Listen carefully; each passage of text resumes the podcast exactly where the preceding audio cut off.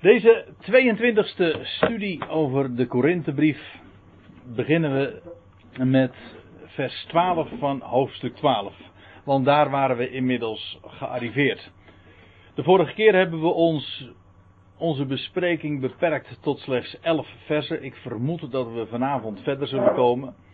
Dat hangt soms ook een klein beetje af van het gedeelte en wat er allemaal nog aan bijzonderheden daarover te melden zijn. In mijn Bijbeltje staat daarboven, en vaak is dat wel een uh, vrij goede samenvatting. In mijn Bijbel stond er boven de eerste elf versen in hoofdstuk 12. Vele gaven, één geest. Nou ja, terwijl ik zeg, dat klopt wel. Uh, moet ik er meteen al bij zeggen dat we de vorige keer juist hebben gezien dat die uitdrukking niet helemaal klopt. Het gaat niet over gegaven, zoals het iedere keer genoemd wordt of uh, geestesgaven, noemt men het ook wel in de volksmond.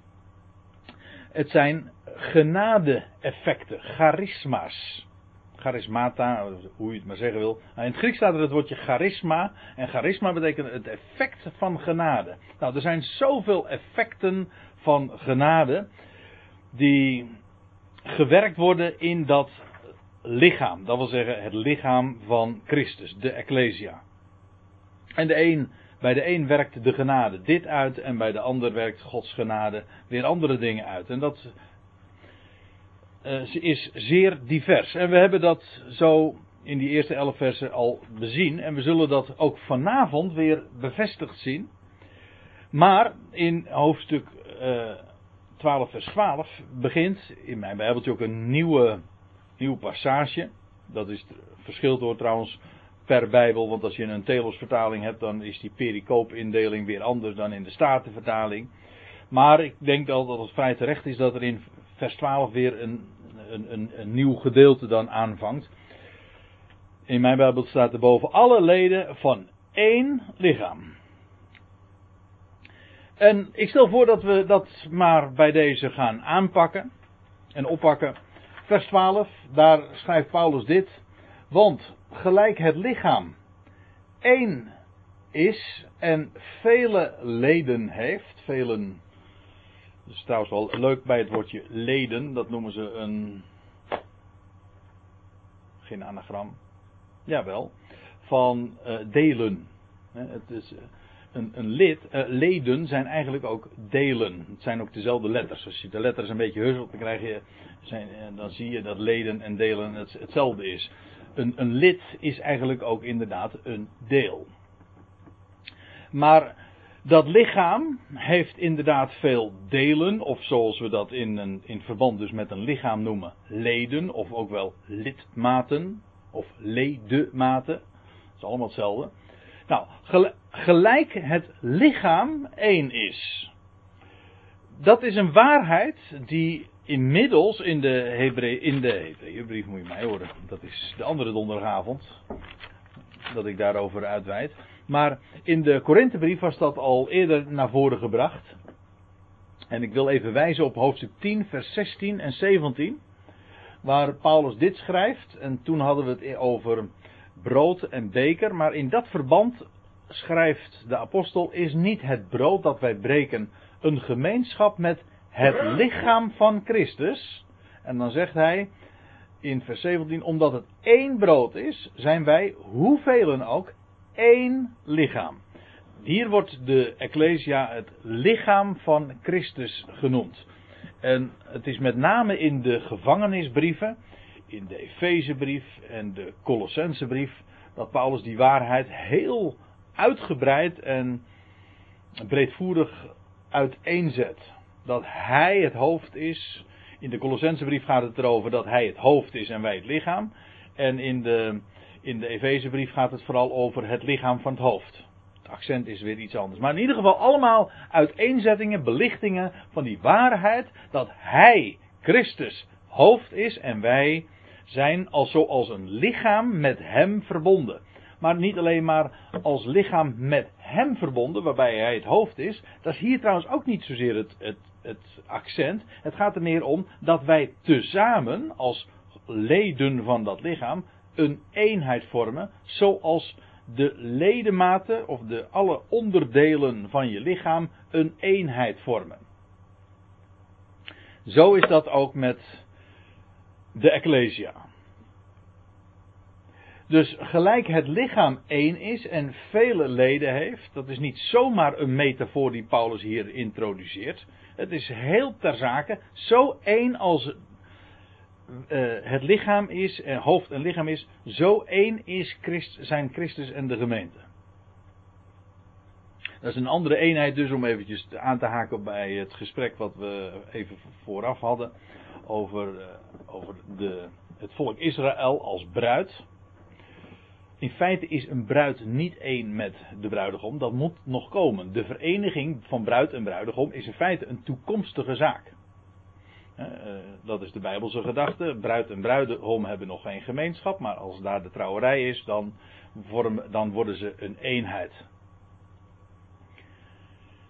Wij niet. Zo, zo, is het niet met onze verhouding tussen met Christus. Met het, volk van Israël is dat inderdaad de actuele situatie. Hij is nu, hij is de bruidegom, zij zijn de bruid, maar ze hebben elkaar nog niet gevonden. In wezen de geschiedenis ook van het boek, uh, ik zeg de geschiedenis, maar het verhaal van het, van het boek Hooglied. Daar zie je iedere keer het verhaal van de bruid die de bruidegom kwijt is. Een prachtig type ook van het volk van Israël dat uiteindelijk haar, haar bruidegom, haar man zal vinden en met wie ze verenigd zal worden. Maar dat is toekomstig.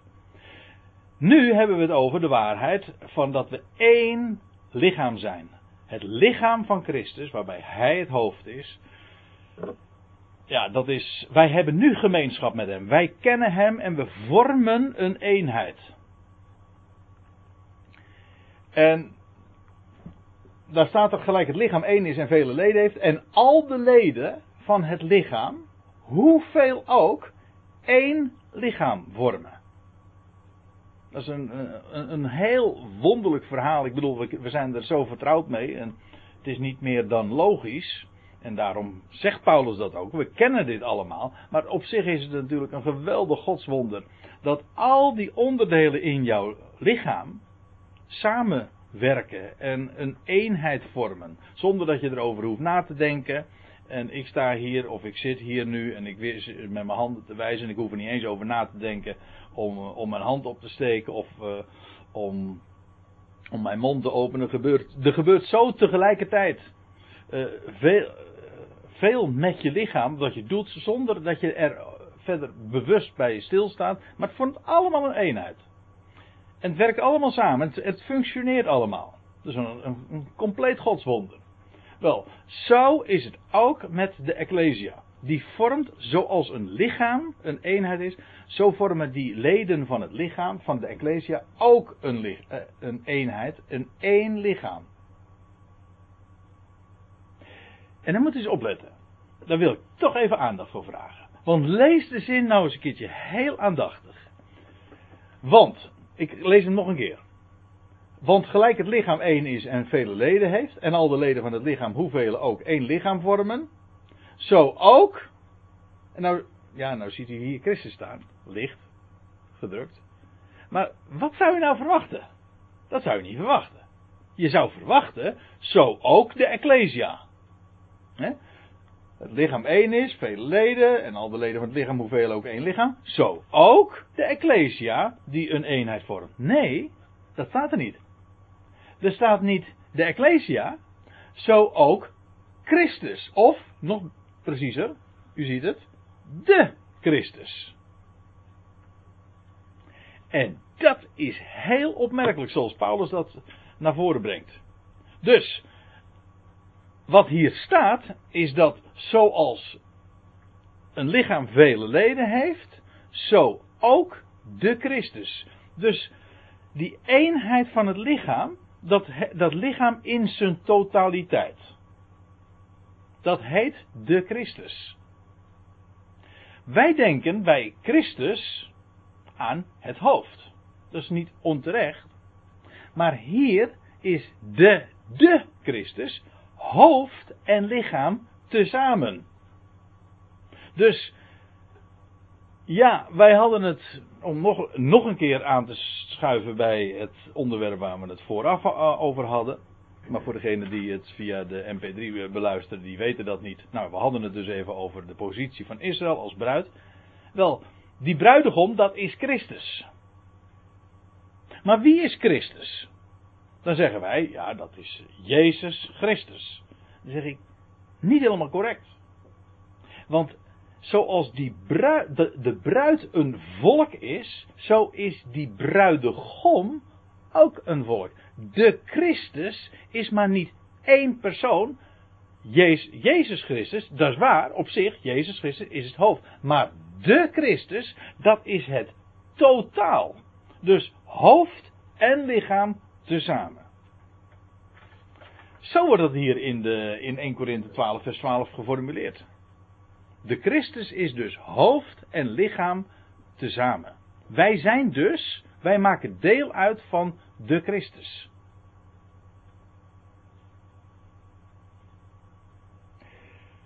Want, ik ga verder in vers 13. Want door één geest, of zoals u letterlijk ziet, in in één geest.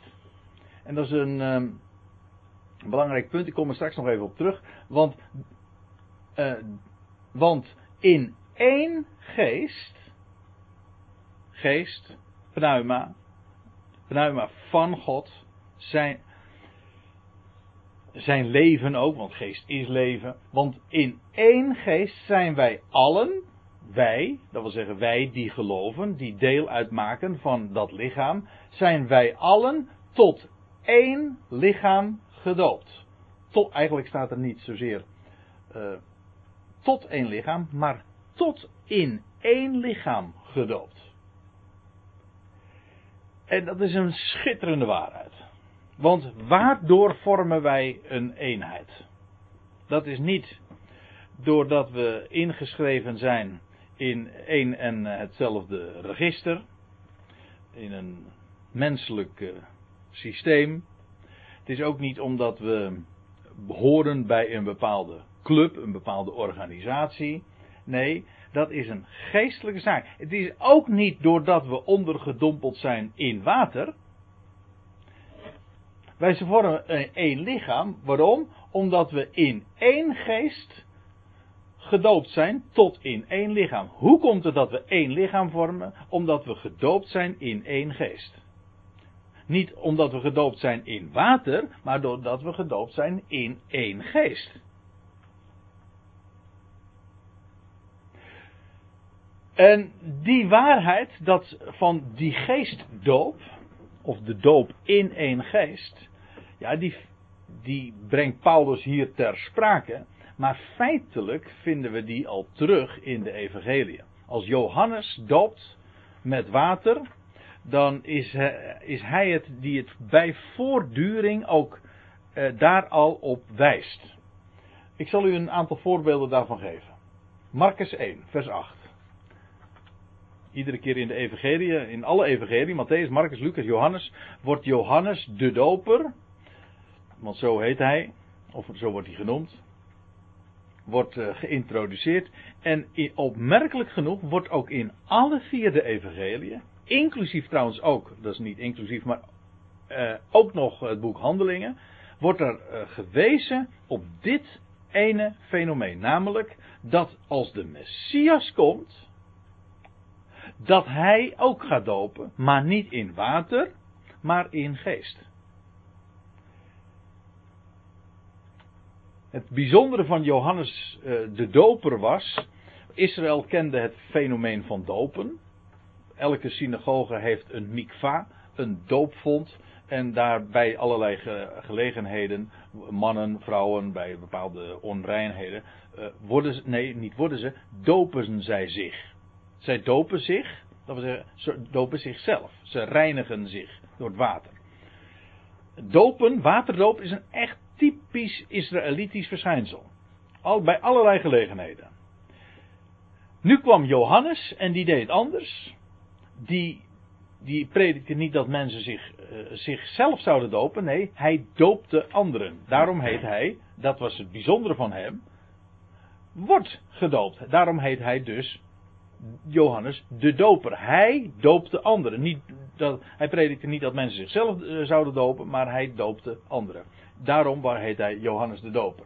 Nou, en als hij dat dan naar voren brengt, dan zegt hij: Ik heb u gedoopt met water, maar hij, die na mij komt, zijn eigen neef trouwens, die een half jaar ouder, uh, pardon, jonger was dan hij zelf. Maar hij zal u dopen in, niet met de, maar in Heilige Geest. Dat woordje de staat er niet. En het woordje met ook niet. Met is uh, eigenlijk het. Uh, het is maar niet een middel waarmee. Nee, het, hij zal u dopen in Heilige Geest. Dus zoals Johannes doopte in water, zo zou Christus dopen in geest. En ik blijf het zo opmerkelijk vinden dat mensen maar praten over de christelijke doop. En wat bedoelen mensen met de, christelijke doop? Dan bedoelen ze een doop in water. Maar dat is eigenaardig. Terwijl Johannes bij herhaling juist zegt: Ik, Johannes, doop in water. Maar hij, de Christus, die doopt met geest. Of pardon, in geest. Wat is dus de christelijke doop? Dat, is dat een doop in water? Nee, dat is een doop in geest. De doop in water is daar alleen maar een beeld van, niet meer. Niet minder, maar ook niet meer. Ik, ik neem u nu nog een andere schriftplaats. Johannes. Johannes 1 vers 33. Ik ben niet compleet, maar ik wil er een paar eh, plaatsen toch genoemd hebben. Johannes 1 vers 33. Dat is, nou, in vers 31 staat nog dit. En zelf wist ik niet van hem. Zelf, hier gaat het over Johannes de Doper die aan het woord is. En zelf wist ik niet van hem, maar opdat hij, Christus, aan Israël zou geopenbaard worden. Daarom kwam ik dopen met water, of eigenlijk in water. Nee, nee hier was het inderdaad met water, of aan water. Nog even, voordat ik, even, uh, voordat ik verder ga, nog even dit. Johannes zegt van ja, wie die Christus is, ik weet niet, hij, hij, hij wijst hem later wel aan. Maar hij zegt, ik wist niet van hem.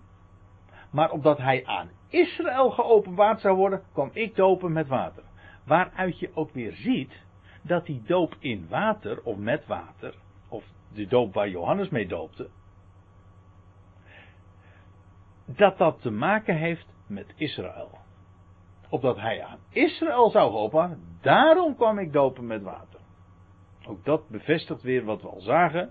Namelijk dat dat doop in water een typisch Israëlitisch gebeuren was. Nou, dan sla ik even één vers over en dan staat er in vers 33. En ik, zegt Johannes dan, Johannes de Doper. En ik kende hem niet, maar hij die mij gezonden had om te dopen met water, die had tot mij gezegd. Op wie gij de geest ziet neerdalen, namelijk in de gedolte van een duif en op hem blijven, deze is het die in Heilige Geest doopt. Hier opnieuw weer diezelfde waarheid. Johannes doopt in water, maar hij wees daarmee naar hem die niet zou dopen in water, maar in geest. Nog een vers, eh, een vers uit het boek Handelingen, Handelingen 1 vers 5. Want Johannes zegt, dat zijn dan weer de woorden van de Heer Jezus na zijn opstanding en voor zijn hemelvaart. Want Johannes doopte met water, maar gij, jullie zullen in heilige geest gedoopt worden, niet vele dagen na deze. Dat was op de Pinksterdag dus. Toen zouden ze gedoopt worden in heilige geest, ondergedompeld worden in heilige geest. Waarmee je dus maar ziet dat die doop in geest een waarheid is waar al Johannes de Doper met grote nadruk op had gewezen van tevoren, terwijl hij zelf doopte in water. Een geestelijke doop. En bij die geestelijke doop komt geen druppel water te pas. Nou, nou zegt Paulus, in één geest zijn wij allen tot één lichaam gedoopt. Op het moment dat een mens gelooft, en de geest daarmee ontvangt.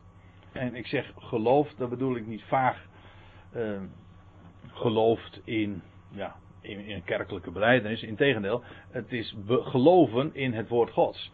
Ik heb, het, ik heb er geen dia van, maar misschien mag ik er eventjes op wijzen. Er staat in Efeze 1, vers 13. Dat is een belangrijk vers in dit verband. Daar staat in hem, in hem, in Christus, zijt, gij- zijt ook gij, nadat gij het woord der waarheid, dat wil zeggen het evangelie van uw redding hebt gehoord, in hem zijt gij, toen gij gelovig werd, ook verzegeld met heilige geest van de belofte. Nou, het idee daarbij is dat op het moment dat een mens het woord van de waarheid hoort. En wat is dat woord van de waarheid? Dat is het evangelie van je redding. Op het moment dat je dat evangelie van je redding gelooft, word je verzegeld met zijn geest. Dat wil zeggen, verzegeld betekent ook, God zet zijn keurmerk op je en dat is onverbrekelijk. Een zegel dat is precies met, dat, met die bedoeling ook gegeven. Ook een menselijk zegel is juist om iets te bevestigen en dat is onverbrekelijk. Dat ook niet bevestigd te worden met nog een keer een wapendoop. Precies. Dus die. Die verzegeling met Gods geest vindt plaats op het moment dat een mens gelovig wordt. En wat gelooft hij dan? Het evangelie van zijn redding. Trouwens, het is wel. Dit, moet ik eventjes toelichten. Want dat was voor mij een enorme eye-opener toen ik dat ontdekte in, in Efeze 1, vers 13.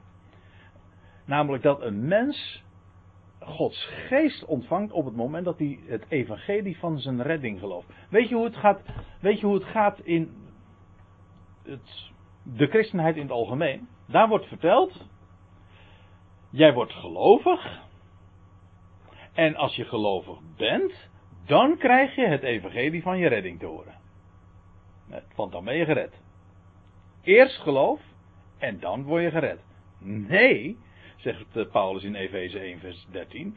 Je hoort het evangelie van je redding, de blijde tijding dat je gered bent van, jouw redding. Hij is jouw redder.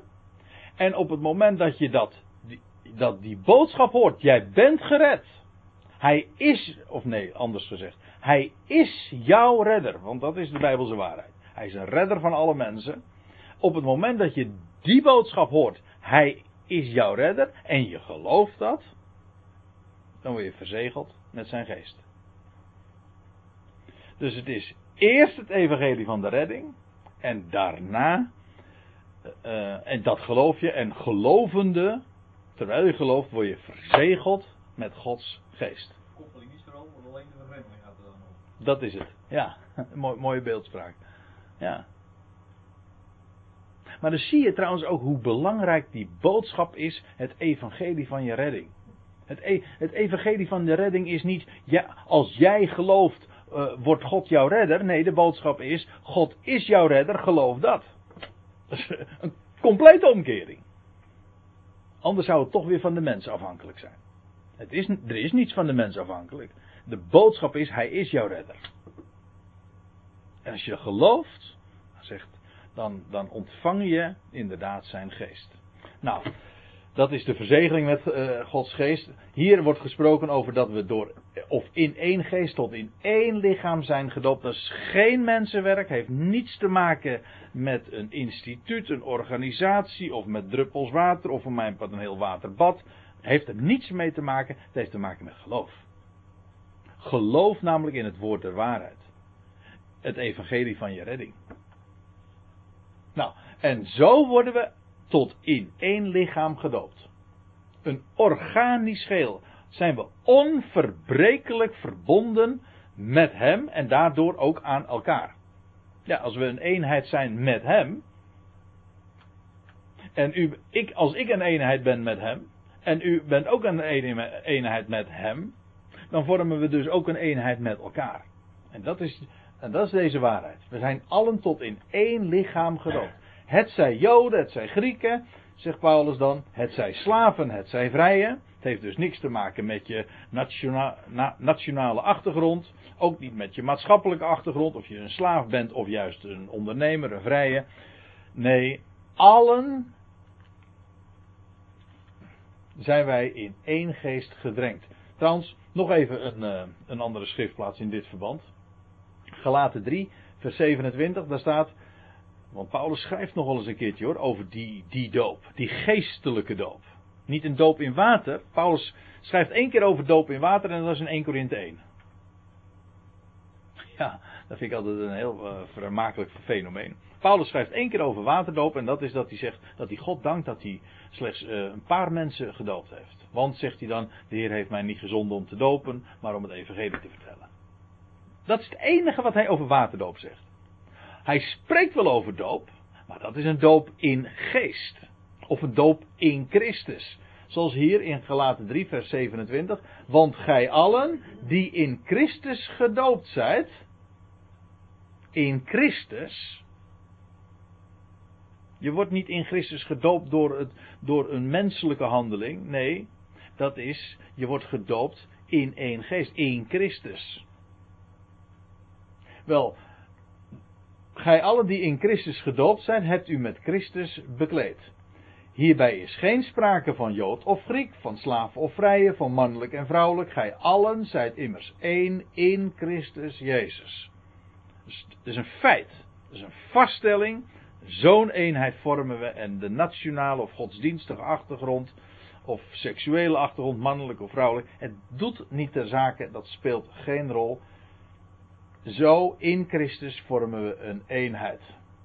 En zo zijn wij allen, nou ben ik weer terug in vers 13 dus, en allen zijn wij met één geest, of eigenlijk allen, dat woordje met staat er in feite niet eens, ziet u. In één geest zijn we gedrenkt. Of doordrenkt. Het woordje wat hier gebruikt wordt heeft inderdaad met drinken te maken en met drenken. Of doordrenkt. Ik heb expres dat plaatje er even bijgemaakt bijgehaald van een, een spons in water die ook doordrenkt is van water. Wel, zo zijn wij in één geest gedrenkt. De ene kant is, eh, we zijn in één, één geest gedoopt, we zijn ook één geest gedrenkt. Wij drinken daarvan. Dat is ons leven. Geest is leven, ik zei het al. Dat woord is leven. mijn woord is geest en leven. Wel, daar, dat, daarvan drinken we, daar zijn we van doordrenkt. En dat is een, met recht een geestelijke waarheid. Want, vers 14. Het lichaam bestaat toch ook niet uit één lid, maar uit vele leden. En nu volgt een een heel aantal retorische vragen in de komende passage. Trouwens, dit is uh, strikt genomen nog niet eens een vraag. Uh, het is een, uh, een vaststelling. Het lichaam bestaat niet uit één lid, maar uit vele leden. Dat lijkt me vrij evident. En dan staat er verder in vers 15, om daarmee aan te geven ook dat daarin geen verschillen. Uh, ja, er zijn vele verschillende leden, maar dat neemt niet weg dat het allemaal een eenheid vormt. Laten we maar eens het betoog volgen. Indien de voet zou zeggen, hè, gesteld dat, dat je voet zou kunnen praten. Hè, het wordt even gepersonificeerd, zo heet dat met een mooi woord, uh, voorgesteld. Indien de voet zou zeggen, omdat ik niet de hand ben, behoor ik niet tot het lichaam. Nou, dat is onzin natuurlijk.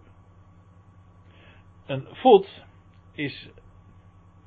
Een voet, eh, met een voet wandel je en met. Uh, en een voet, een voet kan wel zeggen: Ja, ik ben niet de hand, ik kan niet handelen.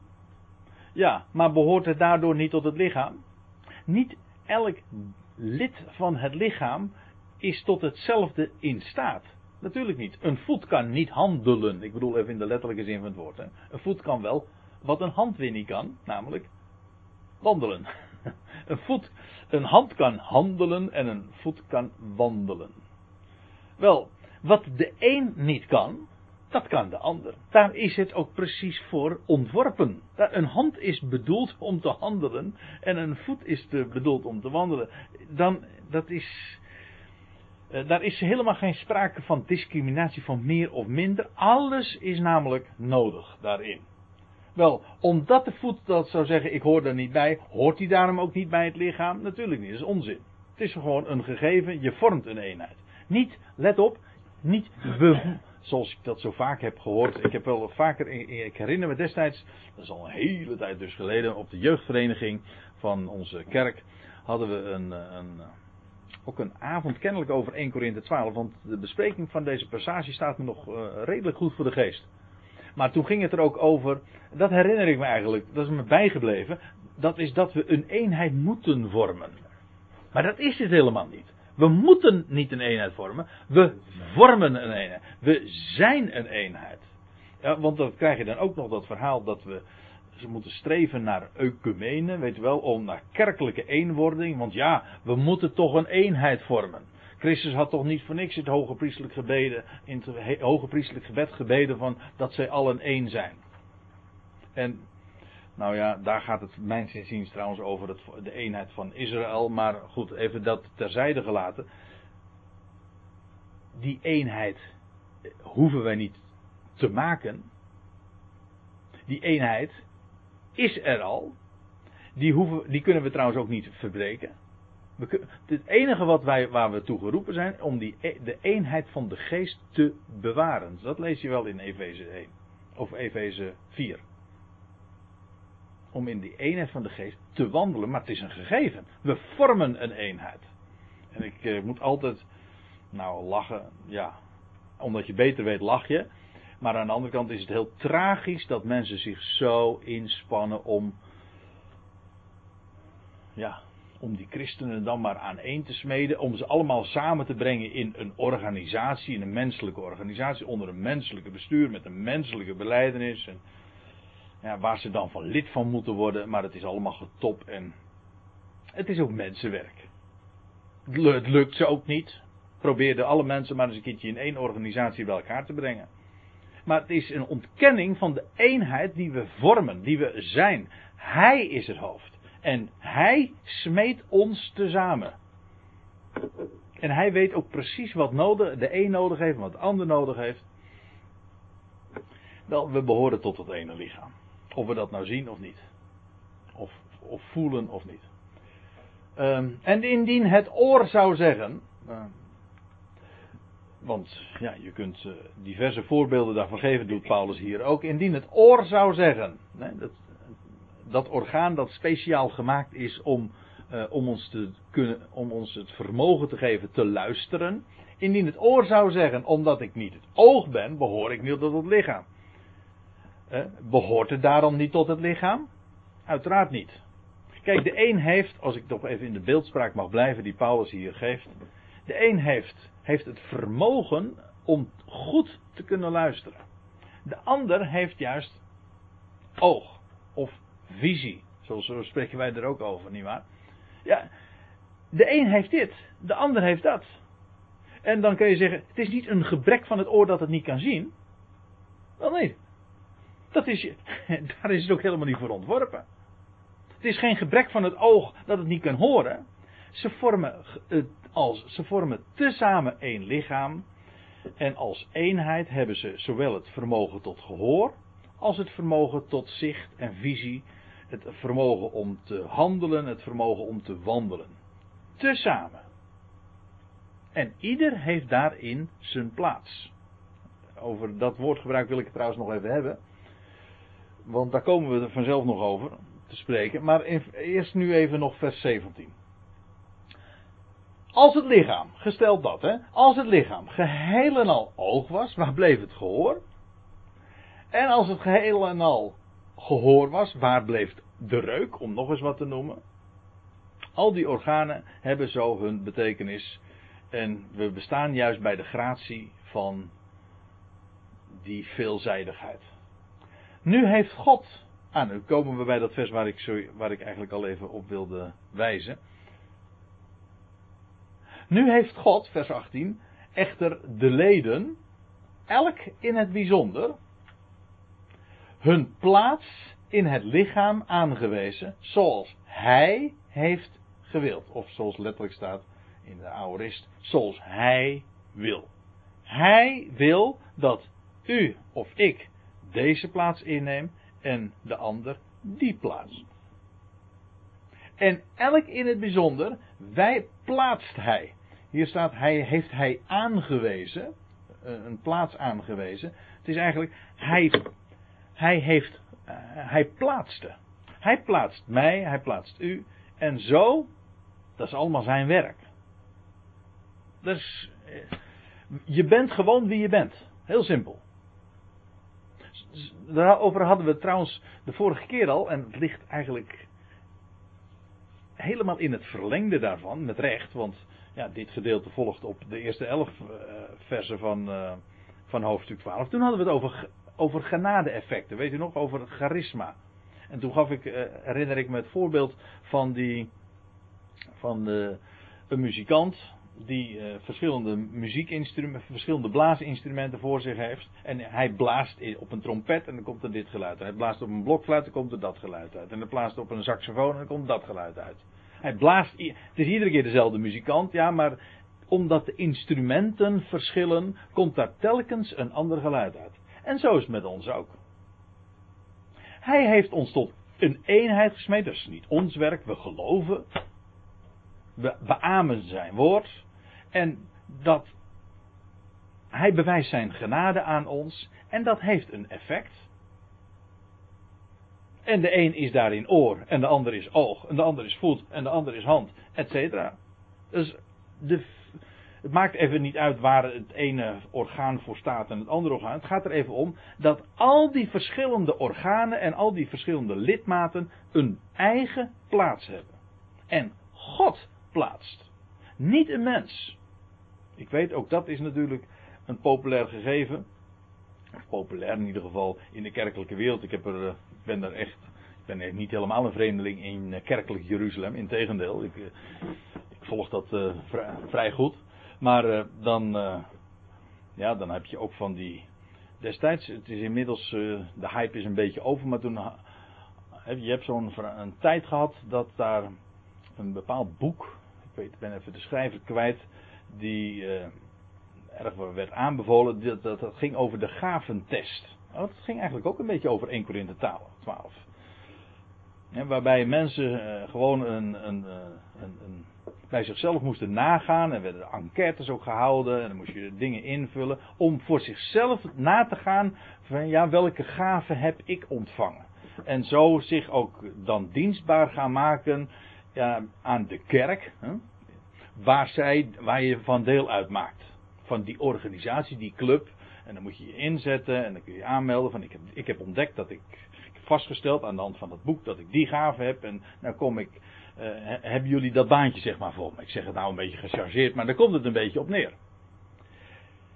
Maar dat is het niet. Je bent wie je bent.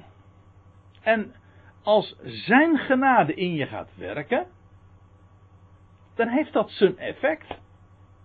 En dan, heeft, dan plaatst de Heer jou in die Ecclesia en doet hij je ook functioneren. Als je, het, het is een kwestie van je plaats leren verstaan. En de genade gaan aan verstaan. Want in feite is dat het hele het geheim van het verhaal. Wat is dat charisma? Dat genade-effect. Ja. Wat, wat heb je daarvoor nodig? Nou, dat je Gods genade leert kennen. Dat je leert verstaan hoe, hoe groot zijn genade is. En wat hij bij machten is te doen. Ik bedoel niet alleen straks met de hele wereld. Maar gewoon ook wat hij bij machten is te doen in mijn leven. Wat, wat hij. Ik bedoel, mensen stellen zich de vraag van ja, goh, wat kan ik nou voor de Heer doen? Dat is een hele foute vraag, weet u dat? De vraag is niet wat ik voor de Heer kan doen. De vraag is wat de Heer in mijn leven en door mijn leven kan doen. Dat is een hele andere vraag. Als ik, bij, het bij het ene begin, van wat kan ik voor hem doen, dan, dan loop ik op voorhand al op allerlei bezwaren. Want ja, ik kan dit niet, ik kan dat niet, ik heb hier moeite mee en uh, mensen hebben moeite met mij en weet ik veel wat allemaal. Je loopt tegen zoveel muren aan. Maar stel nou eens de vraag, wat denkt u? Dat God bij machten is te doen in mijn of in jouw leven? Hoeveel denk je dat hij bij macht is te doen? Die vraag heeft geen limits. Heeft geen beperkingen. Dacht u nou werkelijk dat God beperkt wordt door mij? Natuurlijk niet. Hij is bij macht alles te doen in en door mijn leven.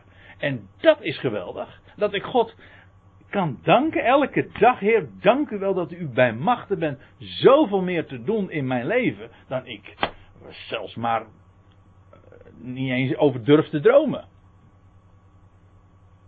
Dat is een totaal ander uitgangspunt. Van, Heer, wilt u mij helpen dat ik vandaag voor u leef? Want dan, zit, dan, zit je, dat je fout, dan is je uitgangspunt fout. Dan begin je bij jezelf. Bij, en, en daarmee, ja, daarmee dus fout. Dat is echt een, een verkeerd uitgangspunt. Het begint bij hem. En hij plaatst, om even nou terug te komen in eh, het 18e vers van 1 Korinthe 12, de Heer of God, God plaatst. Trouwens, eh, even nog dit. Dat woordje plaatsen, hij plaatste in het lichaam, ja, maar dat is nou typisch Godswerk. Want God plaatst, maar het woord voor God, dat is Theos. Hier ziet u de God.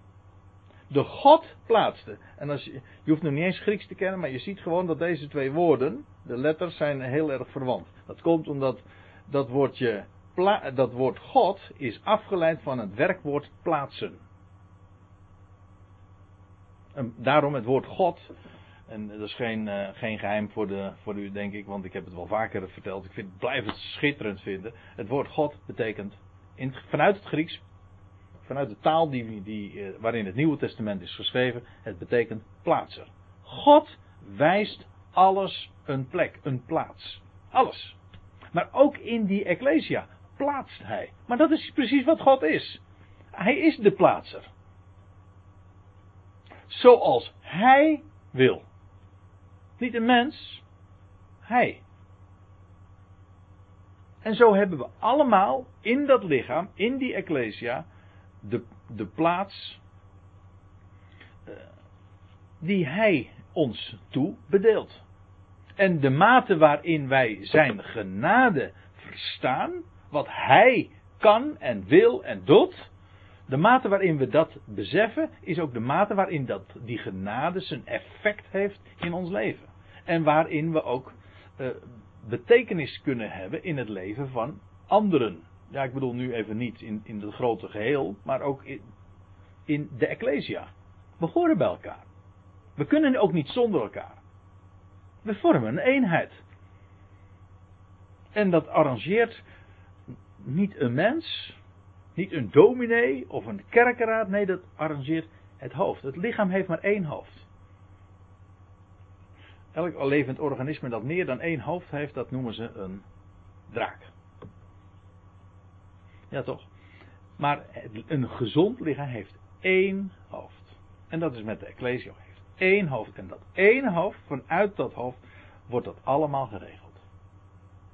Waar je helemaal geen idee van hebt, hoeven we ons ook, ook helemaal geen zorgen over te maken. Maar ik vind het prachtig. Het enige wat is, waar het dus om gaat, is dat we onze plaats verstaan. En ook verstaan dat er één plaats er is. Dan wordt alles anders. Indien zij alle één lid vormden.